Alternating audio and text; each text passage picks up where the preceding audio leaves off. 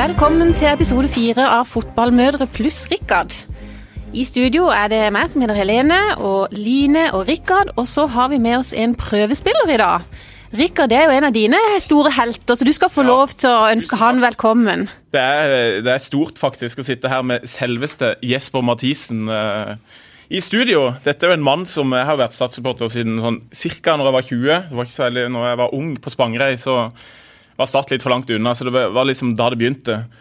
Og Jesper Mathisen etter hvert, han var jo en fantastisk mann eh, på laget. Jeg vet ikke, og, og, Line, bare for å starte der, da. Han har jo egentlig tigga seg om å være med. Han er jo til vanlig i fotballradioen eh, sammen med Pål, men har tigga seg til å være, være med her på eh, Fotballmødre. Ja, han har egentlig det, eller litt sånn i hvert fall. For meg og Jesper har jo litt sånn interiørprat av og til. Og det er jo der det koder. Så har vi snakka litt om det, og så har jeg jo mast litt om podkasten, og så invitert han seg inn.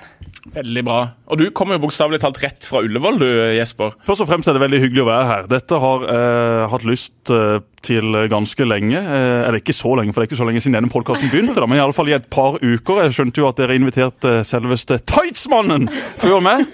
ja, åssen var det? Og... Ja, jeg hørte på denne episoden med Tightsmannen inne i Oslo, for der har jeg ganske lange dager. Der sitter jeg alene på et hotellrom eller i en leilighet og stirrer i veggen. og Da skrudde jeg på denne episoden med Tightsmannen og skjønte at han var dratt fram igjen. Og det var jo hyggelig, for jeg trodde tightsmannen var gått nedenom hjem, men han var jo sterkere enn noensinne. Jeg hater jo gutter i tights. Alle, I alle fall sånn treningstights. De som går i trange dongeribukser, ok, det blir det flere og flere av som gjør. Jeg kommer aldri til å få på meg ei sånn dongeribukse, for jeg har litt for store lår og litt for store legger. Men all ære til de som klarer det. Men menn i tights det kan vi ta senere, Rikard, når vi skal snakke om løpinga de osv. Jeg har sett Arild Sandvik i tights opptil flere ganger over Gimlekollen. Jeg holder på å kjøre rett av veien og prøver da å treffe han i tilfelle det skulle gå galt. Hva sa du? Hva løper du i? Jeg løper i shorts. Ja. Hvis det er kaldt, så løper jeg i bukse. Jeg kan ikke skjønne at det er så veldig vanskelig. Hvorfor gutter skal løpe i tights. Joggebukse? Ja, joggebukse. Treningsbukse. Sånn som jeg har spilt fotball i i 31 år. Type de vanlige? Uh, Type de vanlige. Mm. Ja, litt sånn kjedelige, fluffy Umbro-bukser. Ingen problem. Men hva var spørsmålet? Jeg kom rett fra Oslo, ja. ja. Jeg var på landskamp i uh, går. Den slutta 23.00, eller da var vår sending ferdig, så da satt jeg med i bilen. Og så kjørte jeg hjem. Det var en fin tur. Jeg pleier å stoppe halvveis. Uh, en eller annen bensinstasjon inn til venstre. Jeg kjører alltid inn der det er innkjøring forbudt når du kommer fra Oslo. Det er veldig lite biler på veien, så det går greit. Jeg hadde med en eh, burger, litt smågodt, en eh, kaffe og en sånn eh, form for eh, flaske med noe sånn vann tilsatt, et eller annet, som gjør at den da koster sikkert 50-60 kroner. Men jeg trengte det for å holde meg våken, og jeg kom meg hjem i livet. Holdt du fartsgrensa? Jeg holder fartsgrensa, jeg kjører forsiktig. Det er veldig lite å tjene på å kjøre fort. og Det er ofte kontroller også på den veien nattestid. Jeg har kjørt hjem fra Oslo et par ganger. Sist gang jeg kjørte hjem fra Oslo, så kom det altså en politibil bak meg plutselig og jeg tuller ikke, i 250 km i timen. Jeg har aldri sett en politibil kjøre så fort. Og jeg tenkte bare, vet du hva, den skal forbi meg, for den skal ta et eller annet galskap foran meg i veien. Jeg blinka inn til sida, og der kom politibilen inn rett bak meg. Jeg tenkte bare jøss, hva er det nå som har skjedd? Jeg visste jeg hadde kjørt forsiktig, kanskje det er noe galt med bilen min. Jeg har jo en gammel Toran fra 2006, sikkert masse feil på den. Det er to varsellamper som alltid har lyst, men det går tålelig greit.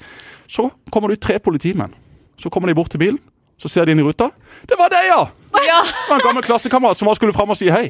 Og de skulle ikke ha autografen din? Nei, var ikke de det? skulle bare fram og si gøy landskamp osv. Så, videre. så var det da Erik Abbusdal, for dere som kjenner han. En gammel håndball- og fotballspiller på ikke lite nivå, men på et ganske greit nivå. Han er nå blitt politi, surrer rundt bort i Lavik, hilser på gamle kjente med blålys og i 250 km i timen. Så det var hyggelig at det var han. Når de, blink, når de kom etter deg? Hva sa du? Fikk du panikk? Nei, for jeg visste at jeg hadde kjørt forsiktig. Ja. Eh, jeg sitter og hører da på diverse podkaster og litt musikk. og Til slutt så satt jeg faktisk i går og sang på Kim Larsen over Valboa, for da var jeg så trøtt. Så da dro jeg fram Kim Larsen. Han gikk jo til himmels for et par uker siden. Jeg tenkte det var en fin måte å hylle han på. Men du har ingen fartsbøter på samvittigheten på denne strekninga? Ingen fartsbøter noensinne. Den eneste bota jeg har fått av politiet, er fordi at jeg snakka i mobiltelefon. De sto der med Kiwi Lund, og jeg kom da kjørende, så jeg så jo at den den tok de meg på, så jeg bare fortsatte å fullførte samtalen mens jeg hadde blinka inn der i busslomma. Og Dagen etter så kom jeg forbi nøyaktig samme sted, og da sto de der igjen. Og Da rulla jeg ned vinduet og sa 'se, jeg har lært'. Så var det god stemning på busslomma. De står ofte der. Ja, de står ofte der. De står der. Men, men hvis du ser de tidlig nok, så kan du rekke en U-sving. Mm. Du kan det. Du kan det. Nei, jeg skulle bare si, for jeg har fått eid fastbot i mitt liv, og det er, jeg burde sikkert hatt mange flere, men jeg kjørte jo fram og tilbake til Oslo i mange herrens år. Jeg eh, bodde der i 13 år, og så skulle vi tilbake igjen fra Spangereid. og Det er en lang tur fra Spangereid til Oslo. kan jeg fortelle. Ja. Så kommer du forbi Brogelandsheia, og så er det opp videre inn mot Oslo. Så er det jo en sånn lang bakke med krabbefelt rett før du kommer til den gamle bomstasjonen. og øh, fylkesgrensa til Telemark er det vel som ligger der. Så der kjører jo Det er mye søndagskjører ute. og Da peiser han forbi venstrefeltet, kommer opp. Og så ligger han jo litt i venstrefeltet før han kommer inn, og så satt det, hyler kona 'Det sitter en i det sitter en i på kulverten der!' Og så Nei, nei, nei. nei, nei. Ble vinka til sides. Og da ble jeg tatt i 96 eller et eller annet. Så han ruller ned, og jeg, det koker jo hos meg, for jeg, dette er jo ikke noe moro. Og så drar han den der kjipe Ja, jeg ser du har med dyreballast, for kona var jo da gravid. Så jeg hadde jo ingenting å komme med. Så jeg måtte sitte der pent og ta imot. Kona så surt på meg. Politimannen så surt på meg. 3600 kroner rett ut av vinduet. Åh. Men det, det var jo mye feil, altså. Men det var veldig kjipt. Jeg har faktisk fått ei bot til, fra Oddernes kirke. og Når du da liksom skal kjøre til byen, ikke sant, så må du egentlig kjøre ned rundt Gimle gård, Pizza Bakon, brannstasjonen, den veien der. Men det går jo altså å kjøre rett fram. Iallfall hvis du er buss eller taxi. Ja. Og den veien tok jeg én gang. Det var altså midt på vinteren. Det var tre meter snø. Det var ingen andre biler ute i hele Kristiansand, for ingen turte å kjøre. Jeg tenkte jeg skulle ned til kameraten ned på La Helle brygge. Kjørte rett gjennom der. Og så kommer det altså en politibil med blålys bak meg og gir meg 4000 et eller annet i bot. Tenkte jeg bare jøss i all verden, er det ja, dette jeg skal bruke ressursene på? Ja, jeg vet at jeg ikke skal kjøre det, men akkurat i dag det var ikke en kjeft i sikte noen vei, og da mener jeg Da kjører jeg faktisk. Nei, det støtter jeg deg, faktisk. Men det var jo egentlig ikke fartsbøte og kjøring Nei. vi skulle snakke om i dag. Vi hadde tenkt å gå innom litt på Facebook eh, og, og oppførsel på Facebook. da, og Der har jo Jesper eh, Mathisen klare meninger. Der skal vi, de skal vi komme tilbake til, men jeg har tatt en, eh, gjort litt journalistisk research og vært innom og sett på uh, Facebook-profilen til de enkelte. Og Helene, det var veldig overraska over. Du er den som har flest eh, oppdateringer den siste måneden. 19 stykk! Ja, det var voldsomt. Jeg kan ikke skjønne hva alt det der er. Det må være noen andre som har lagt ut og tagga meg. Det var noen av de òg. Ja, det var noen av de. Du har jo godkjent de. De må Ja, godkjennes på veggen. nei, de må ikke det. Det har, bare Ja, det har du tatt automatisk Ja, jeg og det er jo sånn fy-fy, vil jeg tro. Så det er jo ikke bra, det Nei, det var voldsomt mange, altså. Jeg kan ikke helt skjønne det der. Jeg er sikker på at ikke du har lagt til noen her, Rikard. Nei, jeg har ikke det. Jeg hadde 14. Jeg trodde jeg skulle ha masse mer, men det er jo mange, mye rare kommentarer når jeg legger ut noe. Et par kollegaer her på huset som eh, egentlig burde vært eh, utelatt. Line, du hadde 11, eh, og Jesper Mathisen hadde bare to. Men jeg vet jo, det er jo fordi at han er, henger bare på Twitter, og der har han liksom 6500 og jeg, jeg prøvde å gå tilbake igjen, men jeg kom vel til sånn under 20. bare det siste døgnet, så jeg orka ikke å se siste måneden. Ja, Der er jeg aktiv. Men men ikke på Facebook. Facebook. Jo, jeg bruker Facebook masse. Jeg kommuniserer eh, mye mer på Facebook enn jeg gjør på SMS. og eksempel i, eh, i jobben min så er Facebook veldig mye brukt. Jeg holder kontakten med Fotball-Norge, og de eh, har behov for å ha kontakt med der. Så Facebook bruker jeg nok mer enn de aller aller fleste. Men jeg liker å ligge, li, ligge litt i sivet. For meg med det aller meste som skjer. Og så kan det komme en like eller en liten syrlig kommentar, men det er som regel bare med noe godt bak. Men det er liksom, det tenker jeg er problemet. fordi jeg, jeg, Det er så mange der ute som bare sitter og sniker og ser på andre. Jeg føler et visst sånt, eller ikke behov, men jeg føler at noen må gi folk noe å se på. ikke sant? Ja, det vet Ja, for Rikard, du lå jo ikke veldig langt bak meg på lista. Du hadde 14 oppdateringer den siste måneden. Nemlig. Ja. Men når, hva hadde Facebook vært hvis man gikk inn og så sto det ingenting? Når du liksom på veggen til folk. Så sitter dere mange rundt her. Nå er jo ikke du, Helene, men f.eks. Jesper, som ikke legger ut noen ting. Ikke deler noe, bortsett fra på Twitter, da. Eh, Jeg tenker sånn, Det er jo måte på hva en deler. Det kan godt være jeg har hatt noen blemmer tidligere, men det er jo ikke veldig lenge siden Rikka du la ut sånn der søt kjærlighetserklæring på Facebook. 13 år siden dama sa ja, og en av oss holder oss like godt ennå. Prikk, prikk, prikk. Fortjener kongens fortjenestemedalje sølv. Hashtag blondebryllup. Oi, oi, oi, oi. Hvor mange likes fikk det? Ja, det fikk ganske mange. Og en del kommentarer. Altså, Det er jo fryktelig. Det er jo fryktelig. Ja, jeg, ble, jeg kjenner Ja, men, Altså For det første å ha liksom vært gift i 13 år, eh, er det stort i seg sjøl. For det andre så regner jeg med at du bor med denne dama, du treffer denne dama, du sover med denne dama, du lager mat med denne dama, som oftest, ja. har seksuell omgang med denne dama. Kan du liksom ikke bare si disse ordene? da? Hvorfor skal du skrive det på Facebook? liksom? Det er det ikke jeg forstår. At Når man bor sammen, når man liksom sitter i samme stue én meter fra hverandre, så liksom logger man seg inn på Facebook, så lager man en status, og så sier det du, sjekk Facebooken din, da. OK, jeg skal inn og sjekke. Å, så søt. Jeg gir deg en like og så et par hjerter. Og så er liksom alt så himla lykkelig. Og Rikard, jeg tror faktisk at du er en lykkelig kar på hjemmebane. Det tror jeg det på. For du virker som en harmonisk fyr. Du er fra Spangereid, har vært der mye sjøl. Blitt veldig flott der borte nå med denne kanalen osv. Var på en annen festival der borte i sommer. Topp stemning. Men i alle fall, det verste er jo de du vet sliter på hjemmebane. For de peprer jo på med dette. For hver statusoppdatering disse folkene kommer med, så vet du bare her nærmer det seg brudd. Her nærmer det seg skilsmisse. Og så var det ferdig. Ja, vet du hva, det er litt sånn jeg tenker, Hvorfor må du liksom blåse det ut her på Facebook? Ikke sant. Det betyr at det er noe galt, tenker jeg. For Det er akkurat det du gjør. det den det gjelder. Så Rikard, er det noe galt? Nei, det burde jo egentlig Altså, Hva tenker du i hodet ditt når du setter deg ned og skriver dette? Ja, Du er jo flink til å skrive i utgangspunktet, det er du, men dette var ikke veldig imponerende. Jeg, jeg tenker jo at dette er et slag for ekteskap og for lang, langsiktige forhold og alt mulig rart. Og så prøver jeg å ha sånn litt sånn humoristisk brodd i det. For jeg, jeg hadde heller ikke Det er jo veldig mange som legger ut Nå hadde vi jo et eksempel her om dagen, hadde vi ikke det? Med sånn 40 år, 'jeg elsker deg', pus og sånne ting. Du Det skriver ikke jeg. Du har lagd der smilefjes med kyssemunn òg på. Har jeg det, ja? Emoji. Jo, det er jo mange som legger ut liksom, jøss, nå har vi vært sammen i, i tre måneder, og nå Ja, er det 14 måneder og to dager siden vi møtte hverandre, og vi har hatt det så flott, og vi har aldri hatt en krangel eller noe sånt. Selvfølgelig har det hatt det. Det er jo ingen, ingen forhold som bare er positive. Selvfølgelig skal det krangles og smelles og være noen uenigheter. Det er det aldri noen som skriver om. Har du vist, eh, har du vist denne fine bildet? da? For det er jo en sånn kollasj jeg til og med har laget her. Med. Du har faktisk eh, lagt, litt, eh, lagt litt arbeid i det. Vi må legge det ut på Facebook-sida vår Nei, jeg, må, etterpå, så alle jeg kommer til å få så mye kjeft når jeg kommer hjem, for dette er- Anette er ikke helt med på dette. Hun synes ikke det. Hun er vel mer på de, i de gater. Akkurat, akkurat. Men er du fornøyd med responsen, da? 153 likes pluss to, da. 155 likes, da. Det er bra. Det er jo Det, bra. det er jo innafor. Eh, så Har du mye falske, har du mye falske profiler som er inne og liker sjøl? Det er det nok en del av. For Vi hadde jo en i, en i Start som var sponsorsjef, som eh, lagde en, eh, sånn, en video som skulle vises før sesongen. da Han mente det skulle gå viralt. Så det ble brukt 60 000-70 000 kroner på denne videoen. Og etter to døgn så var det jo 2000-3000 treff. ikke sant? Og det er klart, det er ikke å gå viralt, selv i Kristiansand.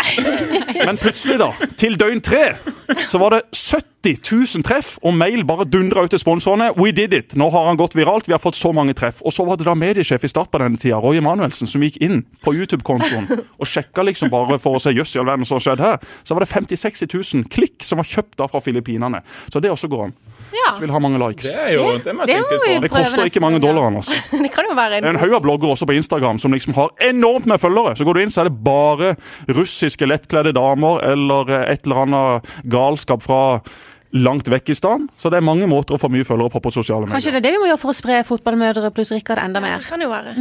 Få tak i filippinske lyttere, det tror jeg er veldig bra. De kan Bli stor, norsk bli, stor, bli store der nede. Har litt Men vi, eh, jeg har jo ikke bare sett nå den siste måneden. Jeg dro tilbake igjen i 2007, det var da Facebook kom, for å se litt hva folk la ut da. Og nå har vi liggende Oi, nå har vi liggende Skål, ja, Rikard. Skål! Ja, nå ble det veldig mye her. Men nå har vi liggende eh, noen utklipp her. Du kan jo kanskje lese hva Jesper Mathisen skrev i 2007. Ja, kan det, for du har noen du òg, Jesper. Ikke så veldig spenstig, men eh, Jeg, jeg, jeg- jeg mener jeg ikke har så veldig mange om Trine. Nei, dessverre. Jeg hadde ønska det. Men du har eh, en her 7. desember 2007. Jesper Mathisen i Vamos. Ja. Ja, jeg vet ikke om jeg uttaler det riktig. Jo. 1. november. Jesper Mathisen i sin New House. Ja. Eh, Når var det? 1. november 2007, så vi, det er jo mange år siden du var jo bare ung. Og så har du en Hus. 13. oktober 2007. VIP etter Wembley. Ja, På engelsk dette her òg? Ja, ja, ja. Han har jo ja men sikkert VIP. Du satser stort, da. Og Hvordan skriver du VIP på norsk? Men du skriver også et Veldig interessant person. VIP er VIP et Wembley? Du kan skrive på Wembley. Jo, Ja. jo, det kunne jeg gjort. Jeg er helt enig. Jeg har ikke så ufattelig mange engelske venner på Facebook. house, Og det er også himla, det er også himla irriterende. Liksom folk som har liksom 1900 norske venner og to fra Australia som de studerte med for ti år siden. Så skal de liksom skrive status på engelsk!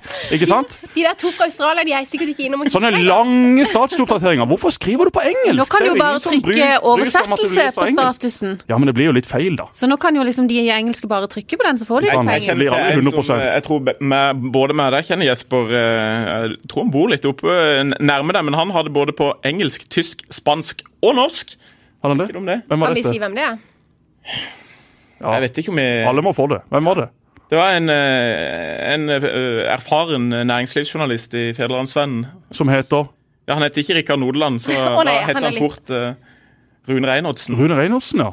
Ja, men Rune Reinersen kan jo faktisk forsvare dette, for han har jo meksikansk uh, frue. Ja, Og så har han vært veldig lenge i, venner. Tyskland. Ja. Fruen til Rune jobber forresten på Henning Olsen før. Mulig han gjør det enda, men hun hadde altså masse sånn andresortering med seg hjem, husker jeg. For de uh, vokste opp rett i nabolaget Kristinsvei, så jeg har mye gode minner fra Reinersens hus opp gjennom barndommen. Har jeg flere sånne fryktelige statsoppdateringer? Nei, de er ikke så fryktelige. Men du har en til, da. eh, 10. oktober. Ja.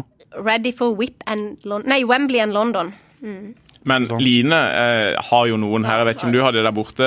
Ja, jeg har noen Helene. her, altså. Og det er jo liksom eh, Det er jo ny på en måte. Det er jo to og tre samme dagen, til og Jeg vet ikke hva jeg har tenkt på. Det er så flaut. At- finne riktig papir. Men du Men har jo folk da i 2007 var jo veldig opptatt av å fortelle hva de gjorde akkurat der og da. Ja, det, er klart, det er jo Facebook, kanskje Facebook har endra seg. Det er klart, Jeg har stengt min vegg for mange mange år siden, så nå er det ingen som kan skrive på min vegg. Jeg må godkjenne alt som kommer der. Derfor er det ganske stille og rolig på den veggen akkurat for øyeblikket. Altså fra i oktober eh, 2007, Line. Ja. Da har du 15. oktober. Jobber med fotball i dag. To dager etterpå. På jobb. Dagen etterpå. Snart helg. Samme dag. Klar for jentis med girlsa. Dagen etterpå. Da er du på jobb igjen. Samme dag. Veldig klar for helg nå. Jeg synes det er veldig bra at man, po man må poengtere at man er på jobb, faktisk. Vi har full kontroll på hva du holder på med, din Line. i 2000. arbeidssituasjon. Ja, men det, det verste er jo da at det er faktisk ingen som har vært inne og lika det der. Nei, det er null likes og null kommentarer på noe som helst. Men Facebook var jo relativt nytt. Jeg mener jeg fikk Facebook i uh... Syv jeg, tror jeg. Det var da det kom, ja. Det var, det var ganske, ganske ferskt. Vi må si vi fikk lov å prøve oss litt frem, da. Ja da, vi må, vi må få lov til å prøve oss og feile, men nå har vi liksom vært på Facebook i såpass mange år, og det er jo klart at det er jo vi holdt på å si, voksne som har mest å lære. For ungdommen de ter seg jo greit. De skjønner jo hva som er akseptabelt og ikke ja, akseptabelt. Men liksom, altså folk som er skilt en fire-fem ganger, som legger ut liksom sånne kjærlighetserklæringer til sin femte kone, og så har du ni unger fra før med syv forskjellige. Jeg mener, kan du ikke tenke deg litt om, liksom? Må du brøsje det ut på Facebook? Det kan jeg ikke forstå. Hva tenker ungene til disse foreldrene? Ja, det- Altså Hadde mamma gått ifra pappa i sin tid og funnet seg en eller annen fra Spangereid og bare hamra løs med hjerter og kyss og klapp og klem til han på Facebook, så hadde jo endevendt hele mamma. Kunne ikke holdt på sånn. Og hvis hun tidligere hadde Hva slags signal er det å sende? de innleggene òg, liksom, da hadde det jo vært eh, Ja. Men, men jeg, bare må, jeg må bare si det med likes, det tror jeg faktisk kanskje ikke var en funksjon som fantes da. For vi gikk iallfall inn på en kollega på Sporten, og han hadde lagt ut i 2007 gleder seg til å bli pappa. Ingen likes og ingen kommentarer! Det er jo nitrist! Så det må jo virkelig ha vært at den funksjonen ikke fantes. Stakkars Kjetil Samuelsen. Det var, men vi er veldig glad for det nå, da. Jeg tror han har fått masse likes i etterkant. Han har kommet seg etter det. Ja, han har det, men det var litt eh, hardt, tror jeg. for Kjetil fortjener en del likes. Ja, han gjør det. Jeg tror det var likes, altså, men vi hadde kanskje ikke så mange kontakter og venner i begynnelsen. Ja, Så det var ikke så mange som så det. Kan hende. Men du har jo også noen kjærlighetserklæringer du, Line, fra september 2008. ja, det er jo så flaut. Men du er ganske forsiktig da. Du skriver bare et stort rødt hjerte, og så Per Christian. Kan være at vi hadde krangla. Ja, og det går igjen flere ganger i den perioden, så jeg lurer på om dere sleit litt i september og oktober 2008. Du vet, jeg, måtte, jeg, jeg tror jeg var gravid da, så det kan godt være at jeg var skikkelig grumpy high i hus. Eller var hun bare veldig amorøs? Det kan jo hende, det jeg òg. måtte, En av to. jeg, sa, jeg måtte advare han, for jeg visste jo at du hadde funnet frem. Jeg måtte advare han i dag at eh, jeg hadde la, Nei, jeg får ikke lov. Han er så modig, der hjertene, at det er jo helt krisen. Men jeg tror en periode, det har du ikke fått med, så tror jeg la, når han var på sitt verste, så la jeg ut bare noen sånne hjerter på profilen hans. For det var jo sånn at man liksom ga jo alle beskjeder på veggen før. Blir du med på, vet ikke. Jeg husker jeg, Han var på noen guttetur og så skrev jeg 'Kan du ringe meg, savner deg'. På, liksom på, På veggen på Facebook? Ja, ja, ja. Godt og. Du hadde ikke SMS da, eller? Jo, men det var sikkert litt stas å legge det ut. Jeg vet Jeg er jo ikke. veldig glad i å sende skriftlige beskjeder og meldinger til folk jeg er glad i. Det kan være Trine, det kan være eh, andre venner og kjente som er rett og slett bare sier vet du hva, du er en bra mann, du er en bra dame, jeg er glad i deg, liksom. Ja. Men du trenger ikke at verden ser det. Nei, hvorfor skal du det? Nei. Det, er liksom, det er liksom det som skurrer for meg innimellom. Og jeg, setter ting veldig på spissen og er jo liksom ikke helt apekatt på disse tingene, men jeg syns jo det er gøy å ta et standpunkt i enkelte tilfeller, og så står man for det til Dovre faller. Og akkurat det, hvis du går gjennom min innboks, så ser du masse hyggelige meldinger som sendes til folk titt og stadig. Rett før jeg legger meg, ofte så ser jeg, kan jeg se liksom, hvem er pålogger da? Så kan jeg skrive Raymond Larsen, du er en bra mann. Sov godt. Ikke sant, skal ikke Ja. dette. Men jeg trenger ikke skrive det på veggen. Det holder at Raymond da vet det. Skal vi alle gjøre det i kveld? Når vi kommer hjem før vi legger oss, så finner vi en som er oppe fortsatt. La oss ta tre. Tre stykker. Så sier vi 'glad i deg', eller 'for Ja. en fin mann du er', eller Yes. ja. Vi kan velge hva vi sier her. Da skaper Ja, du litt det glede. Det. Ja. Det samme gjør jeg faktisk noen ganger. Så går jeg rundt i byer jeg vet veldig godt hvor jeg skal gå til. Så spør jeg du, hvor ligger eh, Stortinget? Og så guider folk med. Og har du, har du kjent på den følelsen når du guider folk i en by? Så får du en god følelse. Jøss, da hjalp jeg han. Hjalp du han, da er han dødt for det, ja. sprer du litt folkehelse, litt glede. Det er også en ting jeg ofte gjør i Oslo. Går rundt og spør du. Jeg vet jo hvor jeg skal, men så spør du, hvor, er, hvor ligger Karl Johan? Nei, du, da går du opp til venstre der, tar du til høyre, og så er du der. Å, tusen hjertelig takk. Så blir de glad. Jøss, da hjalp jeg han. hyggelig. Men Da ville mange lagt ut på Facebook etterpå.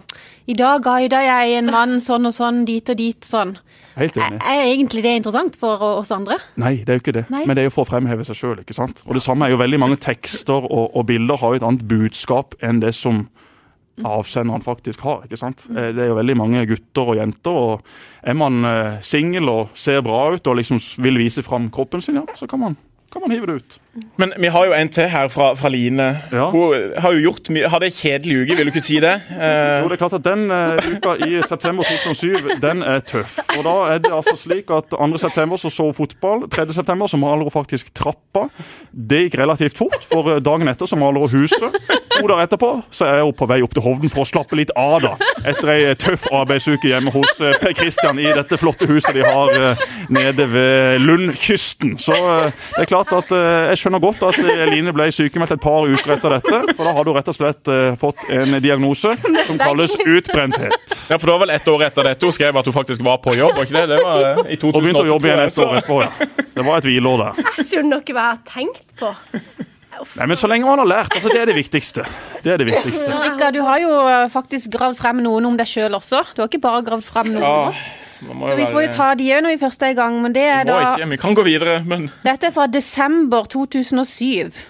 Og da du er litt sånn språkforvirra, ser jeg, men det begynner med altså Is klar for årets første snøfall. Noen dager etterpå Is inn Oslo. Og to dager etter det Is inn Stavanger for helga. To dager etter det Is inn Oslo. Og to dager etter det Is looking forward to a rainy sørlandsjul. Så dette var Alle de kommentarene til sammen ga null likes og null kommentarer. som seg hører Var du fornøyd med det, eller? Ja, eh, Det hadde vært trist hvis noen faktisk hadde gitt likes på det, så det er jeg glad for at folk har såpass vett at de lar være. Og så har du en sånn skrytgreie her i oktober 2008. Drar til New York og Bahamas om ei uke. Hva er det? Ikke Ja, det, det er viktig å legge ut i forkant, så folk er forberedt. Jo, jo, men altså dette er jo saker som er såpass gamle. De er jo foreldre. De er jo ti år gamle. Og da er det jo slik at uh, da får det nå sånn sett være greit. Men uh, jeg så jo senest Rikard skrev en tekst på baksida av Feven her om dagen, hvor han liksom skulle skrive et eller annet. Og så liksom i ei bisetning der bare mot slutten fikk han fram at han hadde løpt Berlin Marathon på ei ganske grei tid. Ja. Så det er klart at selv om Rikard har lært på Facebook, så har han fortsatt mye å lære i avisspaltene. Så det blir spennende å følge utviklingen hans de neste årene, om han der også vil skjerpe seg. Ja. Ja. Men er, vi, er det liksom kjærlighetserklæringer som er det verste på Facebook? Ja, er det ikke det? Jo, det, det, er jo det, kanskje mye, ikke det, er mye, det er mye rart. Men altså, det er, jo, det er jo mitt synspunkt. Det er jo garantert uh, altså, tusenvis av mennesker syns jeg er helt komplett idiot på Twitter og sikkert på Facebook og det som verre er.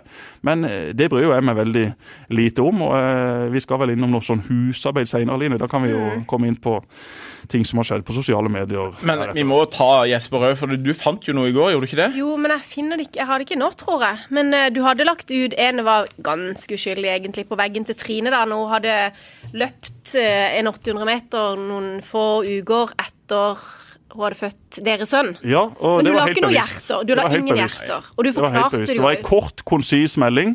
Ja, fordi at jeg er så lei at så mange som skal skryte av seg sjøl for at de har løpt på en eller annen tid på terrengkarusellen. Ja. Trine var med i EM et kvarter etter hun hadde født. Ja. Ja, så da skrev jeg bare det. Vet du hva, bra jobba, Trine. Jeg tror ikke det var så veldig mye mer. Det var ingen hjerter. Det var var, ingen bare ei kort, syrlig, konkret melding. Det er veldig Det syns jeg er Et lite stikk til andre. heie på gode prestasjoner og fremheve sånne ting. Det syns jeg er helt innafor. Helt topp, det. helt Ah. topp det. Så jeg kan gjøre ting, jeg også, men det er ofte en liten, en liten Men vi måtte bak. leie det sykt lenge, og det var faktisk på Trine sin profil, og ikke på hans. Det var på Trines profil, jeg husker det. Jeg husker det. Mm. Jeg husker det.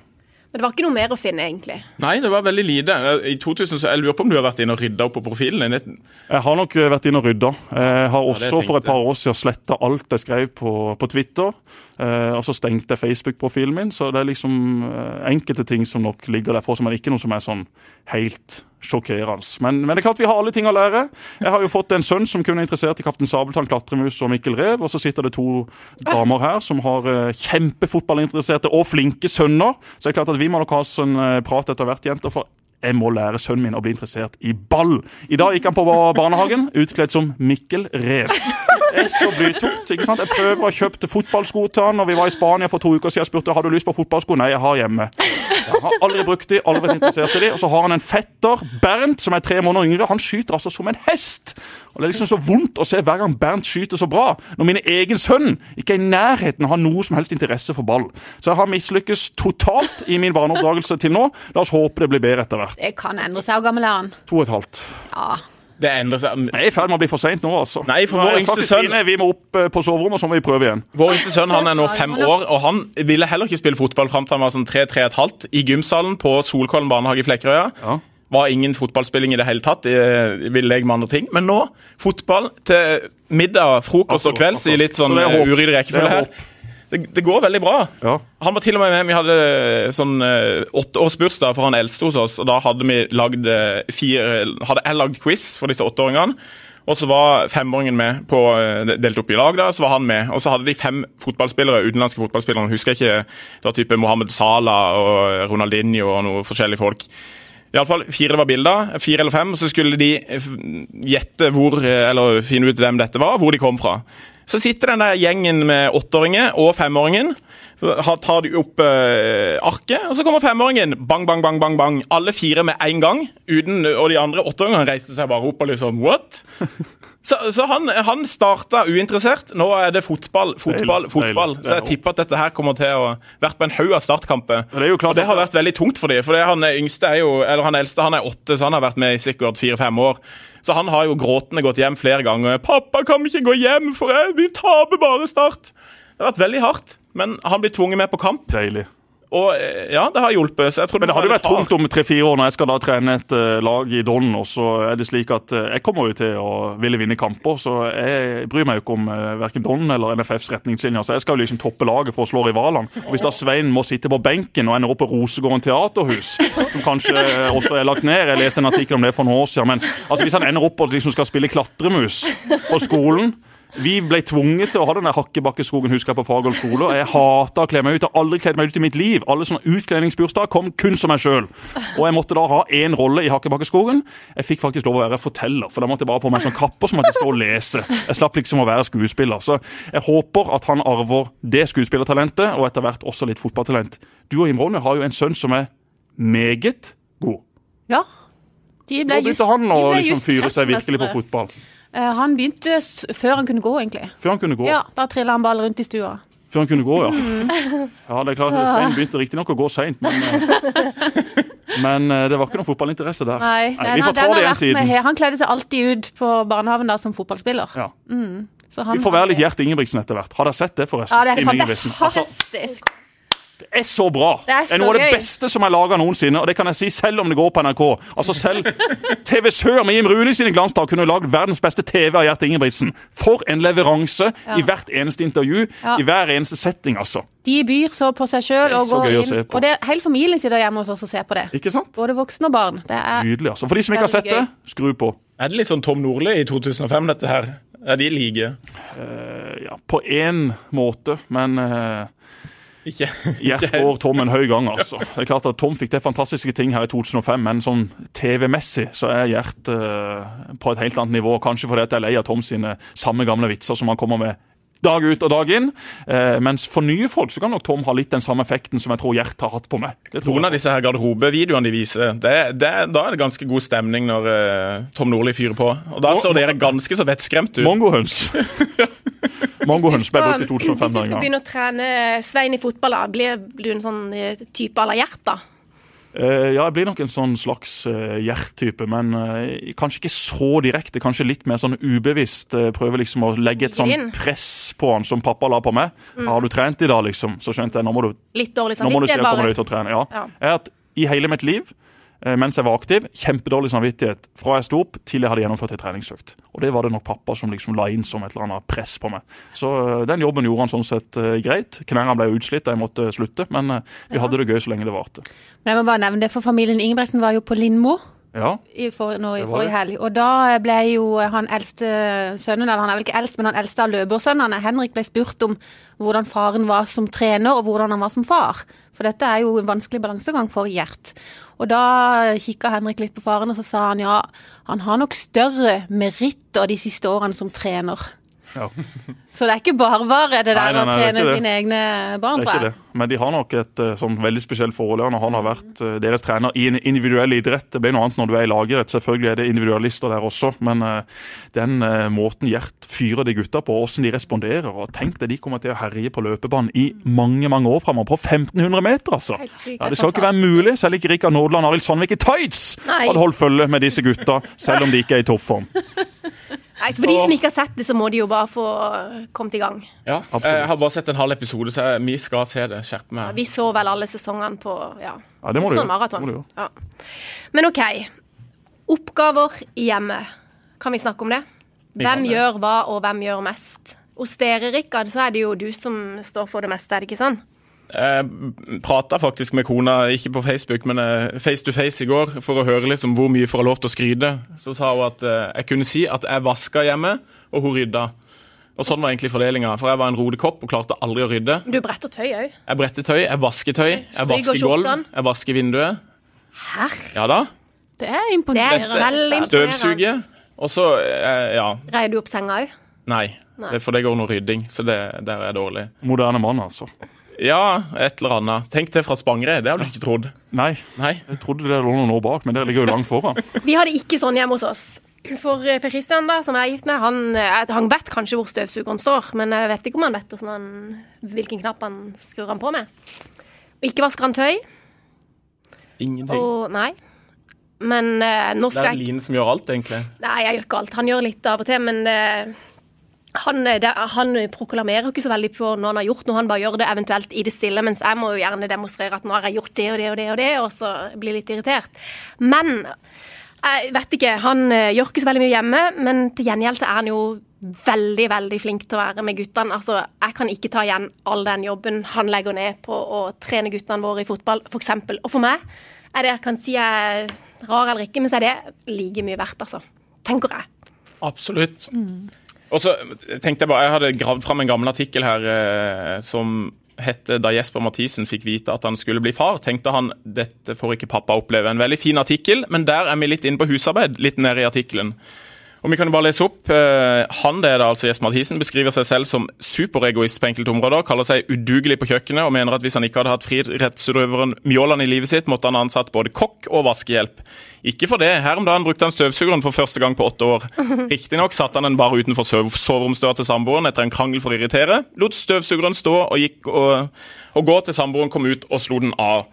Har du noen kommentarer til din eh, innsats i hjemmet? Ja, og det er det ganske mange andre som også har hatt. Eh, For å ta det siste først, der med den støvsugeren, så hadde vi altså en krangel. Og eh, meg og pappa hadde alltid en avtale. Det var Uansett om vi hadde krangla eller hva det hadde vært, så skulle vi legge oss som venner. For når du sovner, så vet du aldri om du våkner igjen. Og det er kjipt å sovne inn for godt og liksom ha da være uvenn med en av de som betyr mest. Så det samme kjører egentlig mot Trine. Uansett hva vi har krangla om eller hvordan stemninga er, så skal vi være venner før vi legger oss. Og Trine kan jo være en av de få som virkelig ser mitt temperament, og da blir jeg svart i øynene. Altså, Det er ikke sånn at jeg slår eller sparker, eller noe sånt, men sånn psykisk så kan jeg være rimelig tøff. Og Da sier Trine vet du hva, det her orker jeg ikke, så går inn på gjesterommet og legger seg. Og så hadde vi da sånn lysstyring på mobilen. Nei. Så det første jeg gjorde, var at jeg bare skrudde opp lyset på det rommet hver gang hun hadde liksom lagt seg. Så hørte jeg hun måtte opp og skru ned, og jeg skrudde opp igjen. Og så fant jeg sovemaske der inne, så da funka ikke det lystrikset lenger. Og Da fant jeg støvsugeren, så satte jeg den på utsida av rommet, skrudde den på fullt, og bare lot den surre gå. Ikke for å liksom terrorisere Trine, men fordi at jeg ville legge meg som venner. venner. Ja. Det var egentlig godt ment. Ja, ja, det, ja, det er godt ment. Er at for, hver, for hver av disse tingene jeg gjorde, så, klart så ble den avstanden større. Men jeg har den evnen at jeg liksom føler at jeg klarer å snurpe det sammen. Og så har jeg utrolig dårlig samvittighet alltid morgenen etter hvis vi har hatt en krangel. Jeg vet du hva, Trine, min feil 100% er helt tullete noen ganger, så det må jeg bare ta. Ja, det er du sier òg, greit, glem det, kjører vi videre. Sånn er det. Eh, Så, så det er liksom forklaringa på det. Det var egentlig noe godt ment med det. Men i alle fall, i denne her artikkelen da, så, så var det jo en fin overskrift og sånn sett en fin sak. Og så sier jo jeg ting på min måte, som jeg alltid har gjort og kommer alltid til å gjøre. Jeg sier det med litt glimt i øyet. at Hvis ikke det hadde vært for Trine, så måtte jeg hatt vaskehjelp og kokk og gartner og det som verre. Eh, og det er jo slik at eh, 90 eh, skjønner jo liksom at sånn er Jesper. ikke sant? 5% som ikke kjenner meg overhodet, de tenker jøss, han lever jo i steinalderen. Jøss, for en uh, mannssjåvinist og idiot dette. Og så har du de siste 5 prosentene som kjenner meg virkelig godt, som vet at sånn er det jo faktisk. Ja. Så har du antagelig 2% som tenkte jøss, sånn ville jeg òg hatt det. Det må du ikke glemme. Ikke? Nei, Men, men det, som, det, som, skjedde da med, med, dette det er klart at Jeg, jeg legger ikke skjul på at eh, Trine gjør aller mest hjemme, men så reiser jeg 120 dager i året og, og jobber uh, med ting som krever en del uh, arbeid, både når jeg er hjemme og når jeg er da på reise.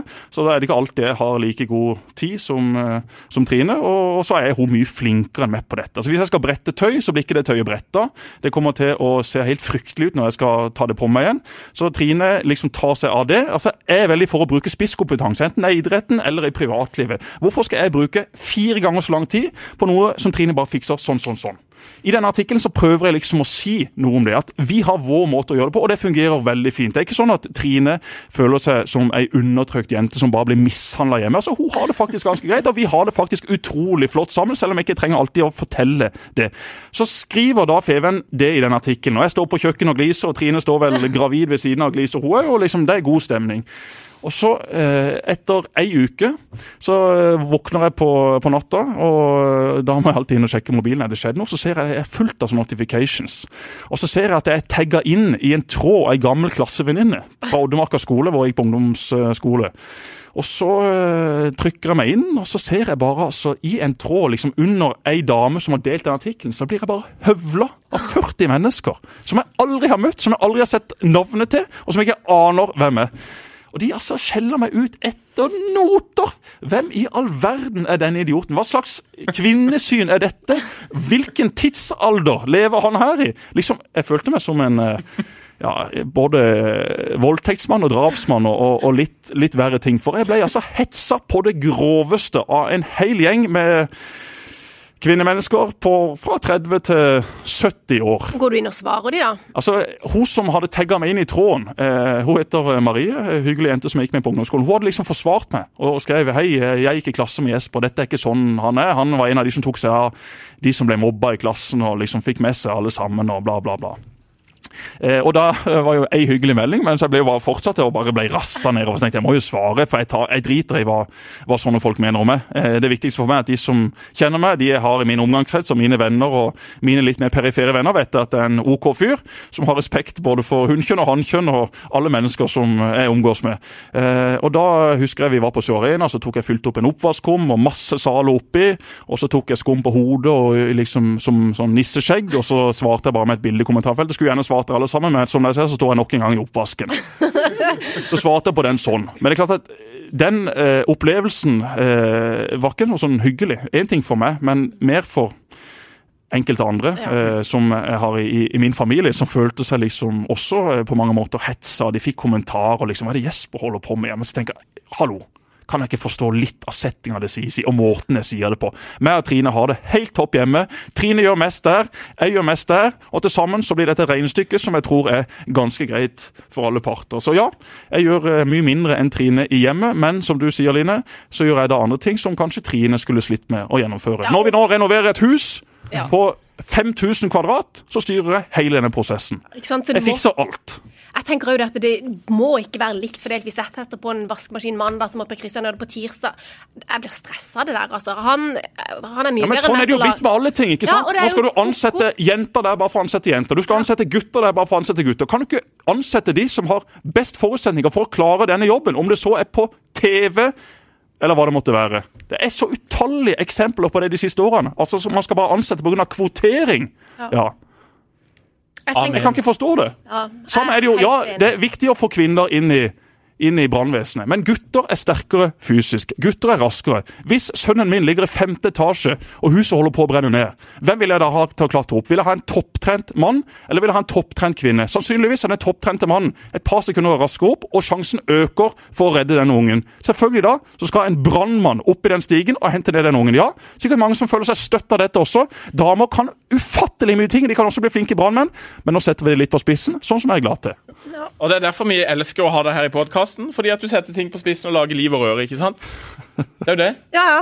Eh, men eh, ting, hva gjør du hjemme hvis du gjør noe? Eh, det, gjør, kan du trakt, traktere en støvsuger? En jeg mopp? Jeg kan, jeg kan støvsuge mopp Soppen eh, sliter jeg vel litt med med. Eh, Der tror jeg nok jeg hadde tatt på enten for mye eller for lite vann. Eh, Jeg kan sette inn i oppvaskmaskinen, jeg kan ta ut av den. Eh, Jeg kan eh, lage enkelte middagsretter. Eh, Det er ikke liksom ting fra bunnen av. Det er f.eks. Toros tikka masala, utrolig god. Vi har jo ei eh, bra Saritas, altså. vi har ei bra ei på indisk i Kristiansand. Sarita er strålende, hun. Men altså, den Toros sin eh, svarte Den svarte tikka masala Øyvind Brenne er glad i. Øyvind Brenne, sportssjef i, i VG, han tipser om det denne gang, og det er jeg veldig glad for, for den er utrolig god. Jeg liker bedre tandorien. Gjør du det? Toro. Den Den kan jeg lage. Men Toros tikka masala står seg godt uansett hvilken indisk restaurant du reiser rundt på. Den er helt i toppen, altså. Den kan du lage. Den kan jeg lage. Den lagde jeg senest i går til meg en kamerat inne i Oslo. Stian Bruskland. Veldig fornøyd med serveringa. Som litt nanbrød. Jeg vil gjerne ha nanbrødene litt harde, mens andre vil ha det litt mer slappe. Så der også må vi liksom differensiere. Vi må inn med et brød da, ut med det andre da, så, så får vi det til på et greit vis. Jeg er ikke noen stor kokk, men jeg syns det er veldig gøy å spise. Jeg setter pris på å ha mange gode venner som er flinke. Jeg reiser til Høvåg for å spise, jeg reiser til Justansaløya for å spise. Jeg er veldig flink til å invitere meg hjem til folk. Du, skulle vi tatt til middag en dag? Det er et himla godt selskap òg. Det tror jeg på. Det tror jeg på. Men hjemme hos dere, da, Helene? Hvem er det som gjør hva der? Nei, jeg hadde tenkt litt på det. Vi tror, jeg tror egentlig vi sånn jevnt fordelt gjør sånn cirka like mye, men vi gjør forskjellige ting. For at eh, han har aldri vaska tøy. Men det er helt greit, for det syns jeg er OK å holde på med, faktisk. Uh, og egentlig kan jeg gjøre ganske mye hvis jeg slipper å lage mat. Så kan jeg gjøre veldig mye av det andre. Jeg blir veldig glad når han lager middag. Er han eh, flink og nøye på dette? Han har jo vært eh, utøver som har vært med i OL, så han har jo liksom Ja. vært nøye med kostholdet sitt. Ja, ja, egentlig har han jo det. Og mat for oss, vi er ikke sånn gourmetkokker. Vi er mer sånn mat er næring. Ja. Vi må ha mat for å trene og overleve. Det er sant. Så det går, og det går veldig kjapt. Det er sånn kjappe ting. Men, men vi har liksom middag hver dag. Men jeg lager det jo av og til her også, da. Men han lager kanskje 70 og jeg 30% Men eh, ja. Nei, jeg er veldig glad hvis jeg kan uh, gjøre litt sånn støvsuging og tøyvask og litt sånne enkle huslige ting. Blir å tuste litt i huset, som jeg kaller det. Og rydde, det gjør jeg. Det gjør, jeg, det gjør bare jeg når jeg tenker meg om. Um, Så det, er, det jeg holder på Det er med, det er egentlig å du tuste i huset. Jeg kjente at Ja, du liksom sank- tuster i huset. litt. Du er Du tuster litt rundt det, men, men, men det er helt greit. Altså, Jeg, jeg tror at Det viktigste for folk er jo at det funker. Ja. Så lenge eh, X og Y er lykkelige sammen, og de har det greit, og de har en fordeling på dette, ja, så er nok det fint. For jeg skal komme med en innrømmelse til det å skru sammen møbler hos oss, Ikea-møbler. Det er det alltid Anette som gjør. Jeg, jeg, takler det Ja, Men de klikker jo på Ikea-møbler. Ja, det er tenker deg Når du står og skrur skru inn det med sånn en halvveis brakonøkkel du har fått med deg fra Ikea, og så går den der mutteren, og så ruller han bort, og så var det under senga. Da klikker det, altså. Så brekker jeg det Ikea-skapet, og så får jeg noen andre til å henge det opp.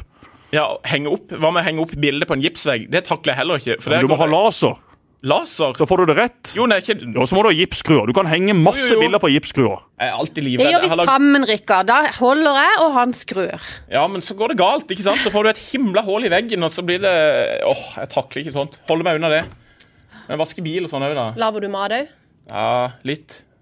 Vaske bil er veldig greit. Da kjører jeg inn i en Bil, automat. klippe plen.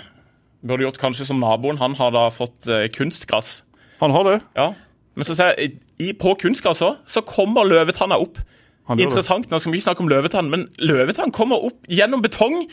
Den har ødelagt hele plenen vår. Den er vanlig naturgress. Den kommer opp gjennom grusen. Den kommer opp gjennom asfalt. Ikke sant? Hva skal man gjøre? Men få deg robotklipper. Av kunstgresset. Ja. Jeg hadde kunstgress på Jussenshalvøya, og jeg hadde alltid en gressklipper stående. Bare så folk skulle tro jøss, for en fin grønn plen han har. Jeg hadde, jeg hadde sånn kunstgress med litt sånn brunt i også, så det ser ut som vanlig gress. Strålende plen. Jeg hadde også to hull på den plenen, altså en puttinggrin.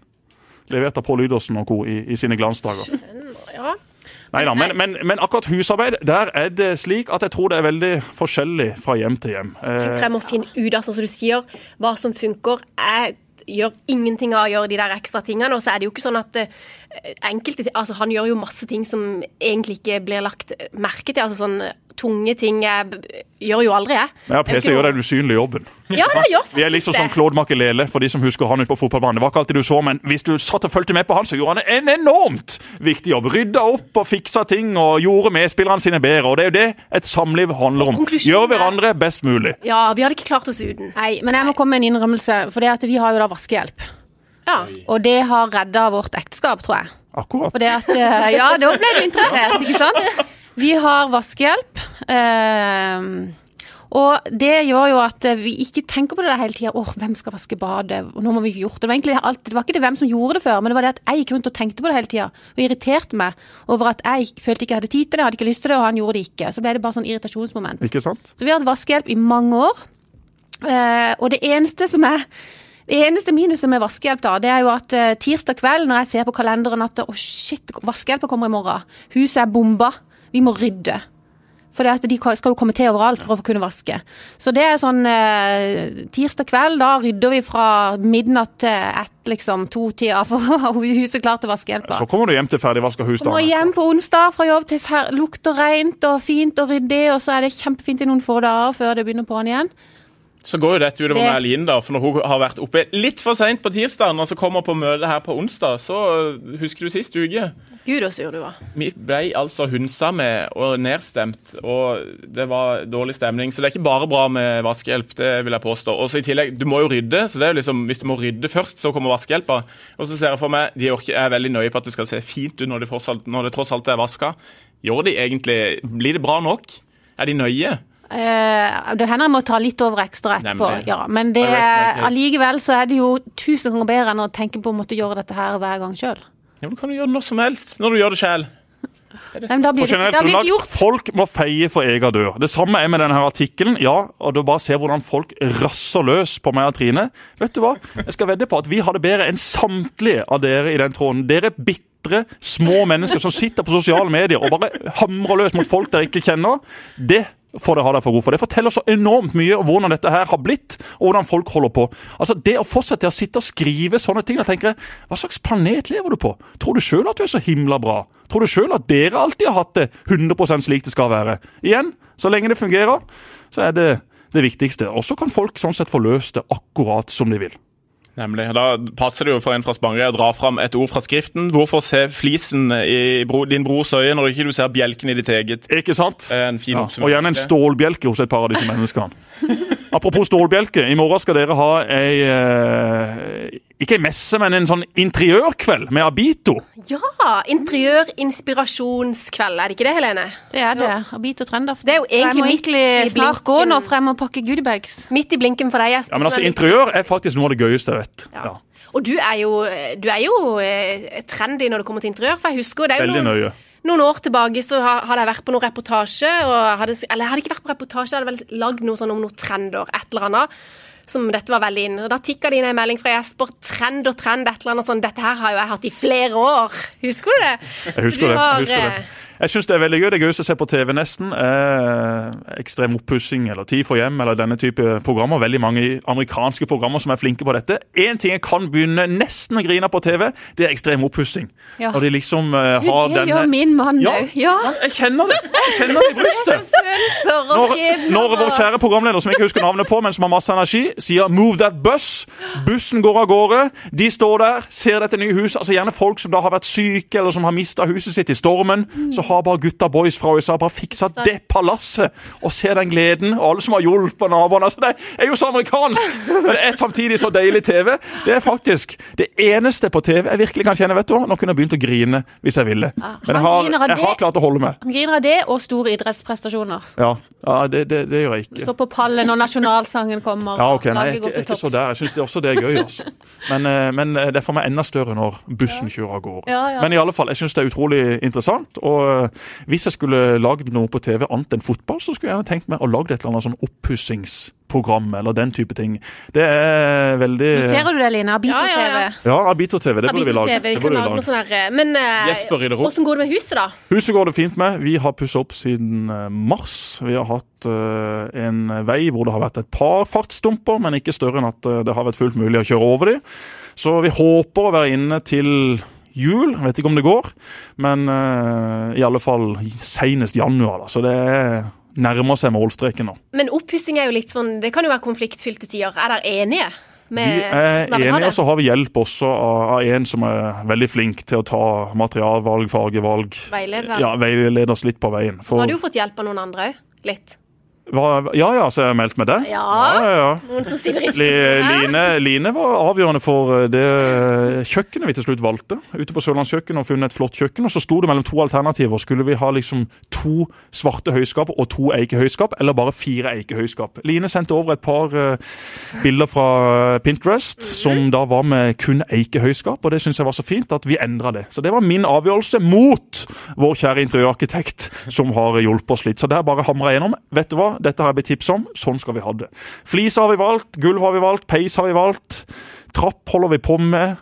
Farger har vi ikke valgt. eh, Kledning er på plass, vinduer er på plass. Eh, Det har vært et par krangler med kommunen, men det er lagt eh, bak oss. Et tre som har flydd over veien. Et tre som har flydd over veien. Det også var jo en funny greie på sosiale medier, for da ble jeg hetsa en eller annen fyr. For da var det jo sånn at denne dagen det var ekstremt mye vind, så skulle jeg ned og se på et ekstremt høyt tre på vår tomt. Vet du hva? Det er den nest høyeste alma i Norge, ifølge en engelsk treekspert som besøkte tomta for et par år siden. Nei, den står fortsatt. Alma står fortsatt. Og dette er jo ganske vilt. Men denne Alma er ganske fin, så jeg liksom var litt bekymra. Og så så jeg at han hadde fått en sprekk midt i stammen. Så jeg ringte til en eller annen eh, treekspert eh, litt oppi i landet. Så kom han ned og kikka på dette. Så sier han vi kan ta det ned. Jeg ringte kommunen, er det freda dette treet? Nei, det er det ikke. Du kan ta det ned hvis du vil. Men tenkte jeg må jo ha det treet når det er Norges nest høyeste alm. Så da måtte jeg fikse det treet for et tosifra Nei, hva sa jeg? Tosifra? Ikke tosifra. Vi er oppe i femsifra Femsifra. femsifra uh, antall kroner, uh, men det var det verdt. For Alma står der fortsatt, og nå står han der i et par år til uten at han faller ned i huet på naboen.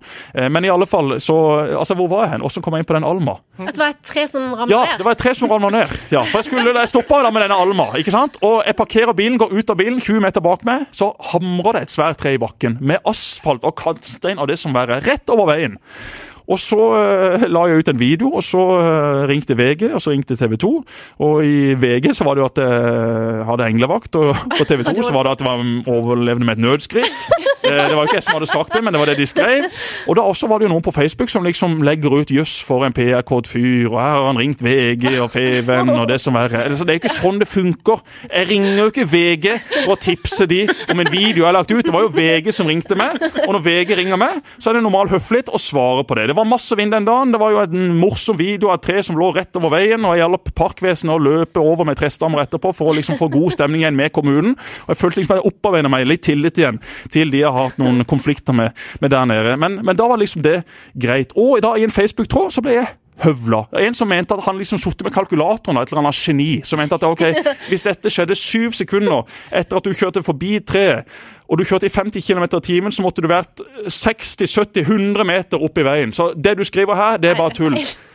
Ja, men jeg stoppa jo bilen! Jeg parkerte bilen 20-30 meter unna. Derfor var det syv sekunder etter at jeg kjørte forbi. Derfor ble det sånn. Ditt utrolige geni.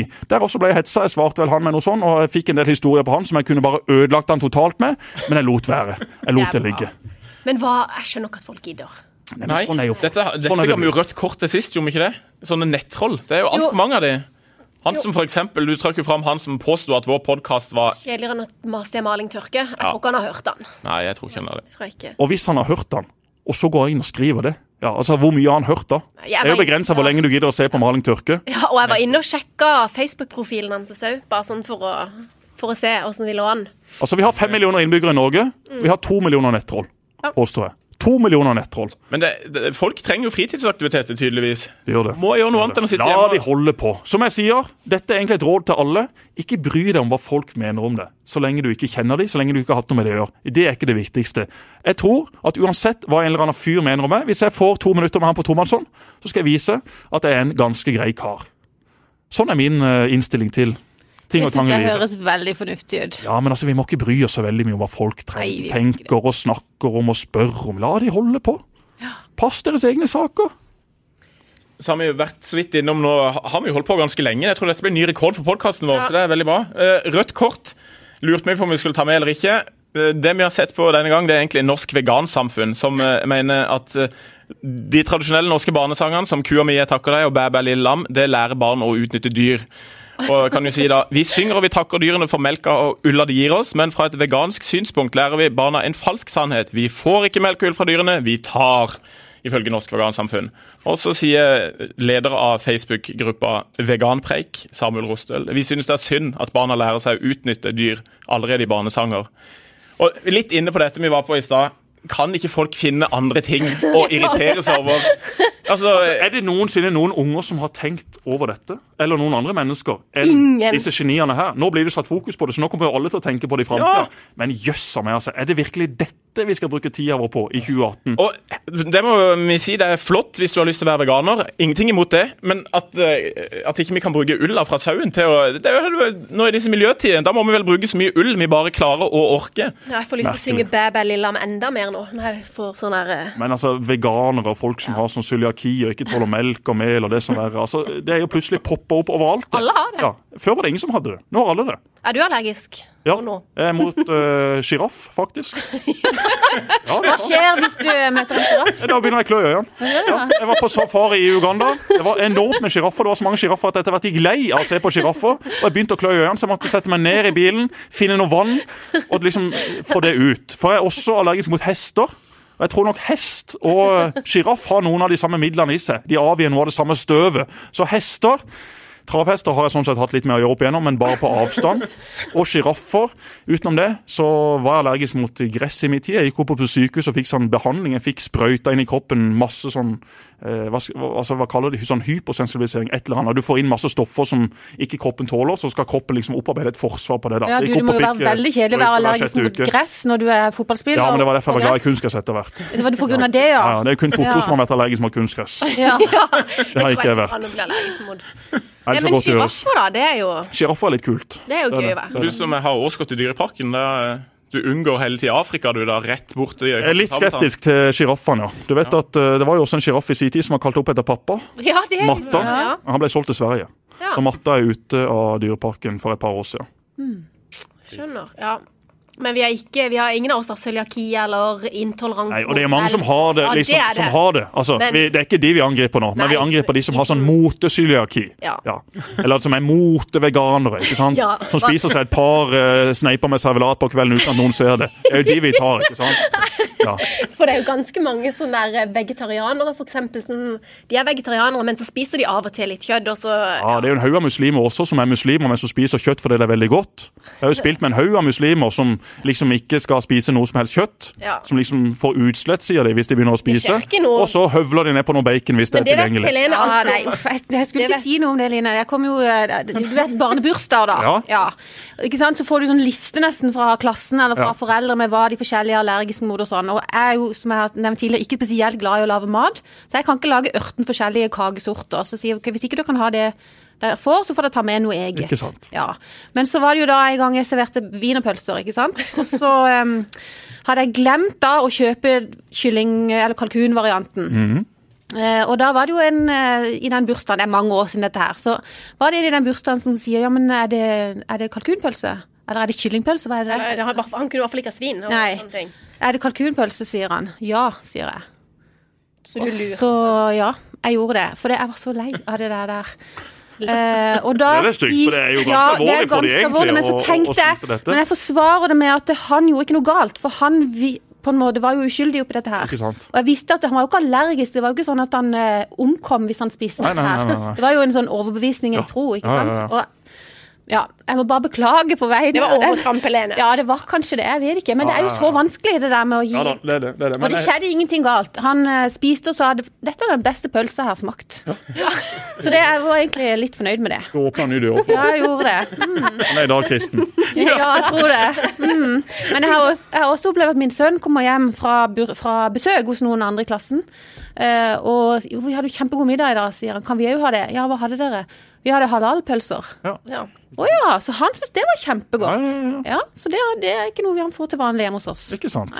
Ikke sant. Nå nærmer det seg jo veldig slutt når vi tror vi må droppe banens beste i dag. Men siden vi har uh, selveste fotballeksperten i studio, Start, hvor store er sjansene for at de overlever og blir i Tippeligaen 2019? Jeg tror de blir uh, spillende uh, i Eliteserien i 2019. Jeg tror det blir kvalik, fordi at Start har et tøft program igjen. Og Lillestrøm eh, kommer til å ta poeng. Strømsgodset må de jo løsne for, eh, men det er samtidig skummelt i Drammen, for de har liksom ikke vært forberedt på å ligge i bunnstriden. Så jeg tror eh, Start kommer til å klare seg. Jeg tror Stabæk går direkte ned. Og hvis Start da får en kvalik, så kommer Start til å vinne den kvaliken mot et eller annet lag fra, fra Obos-ligaen. Så jeg føler meg ikke sikker For dette her kan gå alle veier på slutten, men jeg tror i kraft av at Kjetil Rekdal virkelig har kommet i gang, at eh, dette her skal, skal gå fint. Og så har vi da en uh, cupsemifinale mot Rosenborg på Lerkendal. Den blir tøff, men det er klart at Rosenborg uh, har Cup slitt cup, veldig i det siste. Ja, cup er cup. Var du der i 2009? 2009? ja. Var det ikke Lerkendal? Jo, 3-2-seier. Ja. Ja. ja, ja. Det var jo slik Jeg holder på å skrive en kommentar om det. Det er mitt beste fotballminne noensinne. Det er det. Det Et var- av mine beste også. Ja, Det var jo ni utespillere som løp ned til cornerflagget for å juble. Én utespiller som bare snudde seg mot kjernen og fyrte de opp. det vil jeg tippe var en som het Og det venta eh, Yes. x antall Kjernen-supportere på meg med bussen som skulle ta meg. Er det sant? Det er så respekt. De fikk ikke tak i meg. Det er stor respekt. Åh, Det var gøy. Det var altså, Vi må ta de seirene vi fikk i start. ikke sant? Vant aldri Eliteserien, vant aldri cupen, men vi vant da noen kamper og hadde det gøy på veien. Masse vennskap som vi lever av i dag. Men de tumultene der, jeg ser det om og om og om igjen. Og Bernt Hulsker kommer når det på, i det 88. minutt, skårer 2-2-målet, og så Clarence Goodson som klarer å fyre opp Rade Pritcha. Goodson er fortelling. Og så er det helt nydelig, for hvis man ser i dette klippet etterpå, så kommer jo Jarstein, som var eh, før han hadde gått på sinnemestringskurs. Hadde ballen, skulle liksom løpe fram og uh, ta et utspark, og så hører han dommeren blåse. Og så ser du eh, altså, og, at han holder tegnet for straffe, da. Og da kan du bokstavelig talt se det går ned et teppe for Jarstein. Og så klikker jo han òg, og så er det full kok der. Det var så fantastisk nydelig! Klokka var 11, for det var sånn ni kamp de spilte da Det var god stemning. i Ringnes Park i Oslo. Det er den eneste gang jeg har gått fram og kyssa TV-en. Ut på terrassen, hylte og vrælte som en gal mann. Jeg fikk så mye kjeft. Sånn. Ja, jeg fikk så mye kjeft fra de naboene rundt. De kom ut og brølte 'hold kjeft', og det var Hold kjeft sjøl, sa du. Nemlig. Ja, Dreit i det. Og Deilig. hvis dette kunne skje igjen nå i semifinalen Åh, det hadde vært så fantastisk. Så fantastisk. Ja. Alt å vinne i en semifinale mot Rosenborg der oppe. Ja. Alle tror Rosenborg skal vinne, det gjør de sannsynligvis, men for Starts del så er det bare opp og gripe muligheten. Klør DM, som de sier. Klør det i beinet ditt etter å komme utpå? Det gjør det hver eneste dag. Jeg Ja. hater å ikke spille fotball. Det skjønner Jeg savner det hele tida. Ja, gøy å jobbe på TV, og det er en grei erstatning, men ingenting blir som å spille Det fotball. det er ikke lenge trene. før du står på sidelinja med gutter seks i Don. Nei da, det er ikke det. det, er ikke det. Det er Eller, eller at jeg sitter i eh, Kilden som en sånn passiv tilskuer på bakerste benk og ser på sønnen min som skal være med på en eller annen kjedelig juleoppstilling. Men sånn til ganske på slutten, er det krangling om, eller ikke krangling, men vil Trine at han skal bli friidrettsutøver, eller tenker du det er en god, at han kan kombinere der? Jeg kan kombinere det. Jeg kombinerte det, men det ødela jo knærne mine i mine Ja. yngre dager, så det er klart at det er ikke noe fremtid i friidrett. Farta til Trine hadde jo vært fint. Farta til Trine, men Trine var liksom ikke så rask. Men jeg hørte jo Usain Bolt nå. Jo, men hun var ikke så rask i forhold til de beste i verden. altså Det er jo sjanseløst. Han har jo gått fra, fotball, nei, fra friidrett til fotball. Han har det. Skåra to mål to dagen mål just. Ja, han spiller den øverste ligaen i Australia. Men jeg hørte han hadde vært og prøvespilt for Strømsgodset, men de ga han ikke kontrakt. Ja, han var i Drammen, Ja, ja. Han var det. Eh, Fordi at eh, det er en eller annen i Drammensområdet som er en av toppsjefene i Puma. Ah, Og ja. Usain Bolt er jo sponsa av Puma, Ja. og da gjorde de en eller annen jippo der. Han var jo i Strømsgodset, han var innom Borussia Dortmund, han har vel også vært i United. Nå har han funnet sitt nivå nede i Australia. Det er klart at han med hans fart kan utrette noe på fotballbane, men eh, det er rimelig forskjellig å spille fotball og det å løpe 100 eller 200 meter. Så Men bare ha han på laget vil jo føre pub... Altså, jeg vil jo tro hadde du hatt han i start, så hadde du solgt noen sesongkort. Jeg tror vi hadde, det hadde starte vært en flere drøm. tilskuere Det burde vært noe for stadion Start en drøm. Og så hatt et par showstevner oppe på Kristiansand stadion. Ja. Vært Vi hadde jo Asante i sin tid. Problemet han var jo at han var jo sykt ikke like, like kjapp, men nesten like kjapp. Og hele eh, angrepsrekka til Start lå jo en halv eh, time etter. Ja. Så han ble jo stående og vente i en halvtime. Og Usain Bolt hadde jo vært en time. Jeg vet ikke. Ja, det hadde vært gøy å ha han i start, men vi får nok ikke se det. Tviler på det. Og så må vi alltid sånn i slutten av podkaster beklage til alle som føler seg støtt. Alle som har cøliaki. Alle som faktisk er veganere av en grunn. Eh, alle ut som er- kjærlighetserklæringer på vei Nei, de trenger vi ikke å Nei, ikke de. Nei, Ikke de. fint. Ikke de. Men også alle som jeg har spilt med, som da har spist noe de ikke burde spist. Det var ikke retta mot det, det var bare brukt som et eksempel. Ja. Og så vil vi alle at, at folk skal følge fartsgrensene og kjøre fint. Det har jeg bare lyst til å si. Ja, og så vil vi gjerne at alle går inn og liker Fotballmødre pluss Rikard på Facebook og Instagram, og sender oss eh, forslag til eh, gjester vi kan ha her, og temaer vi kan ta opp. Men Jesper, syns du det har vært gøy å være Veldig. hos oss? veldig. Vil du komme igjen hvis vi spør deg? Jeg kommer alltid når du spør, Line. Det vet du. Og jeg skal Veldig prøve bra. å eh, få med meg Strømstad på uh, Trendaften i morgen. Ja, for han kunne jo Han eh, skal jo selge huset sitt. Han skal selge huset sitt, og han hadde vel visning her om dagen. Han skal Ja, flytte til Lund. Nemlig. Og skal vel pusse opp noe der. Han skal pusse opp, vet du. Så han kunne ha godt av litt inspirasjon. Han trenger inspirasjon. Jeg trenger inspirasjon. Eh, Trine er med lærerne i, i Danmark. Eh, Jeg hørte forresten hva denne turen kosta. Ja, for at noen lærere skulle dra til Danmark. Var det Altså, dyrt? det var avsindig dyrt. Det var nesten syvsifra. Nesten syvsifra på å dra til Danmark for en gjeng med lærere. Altså, til Danmark! Kunne man ikke bare tatt det på lærerværelset, da? Ja.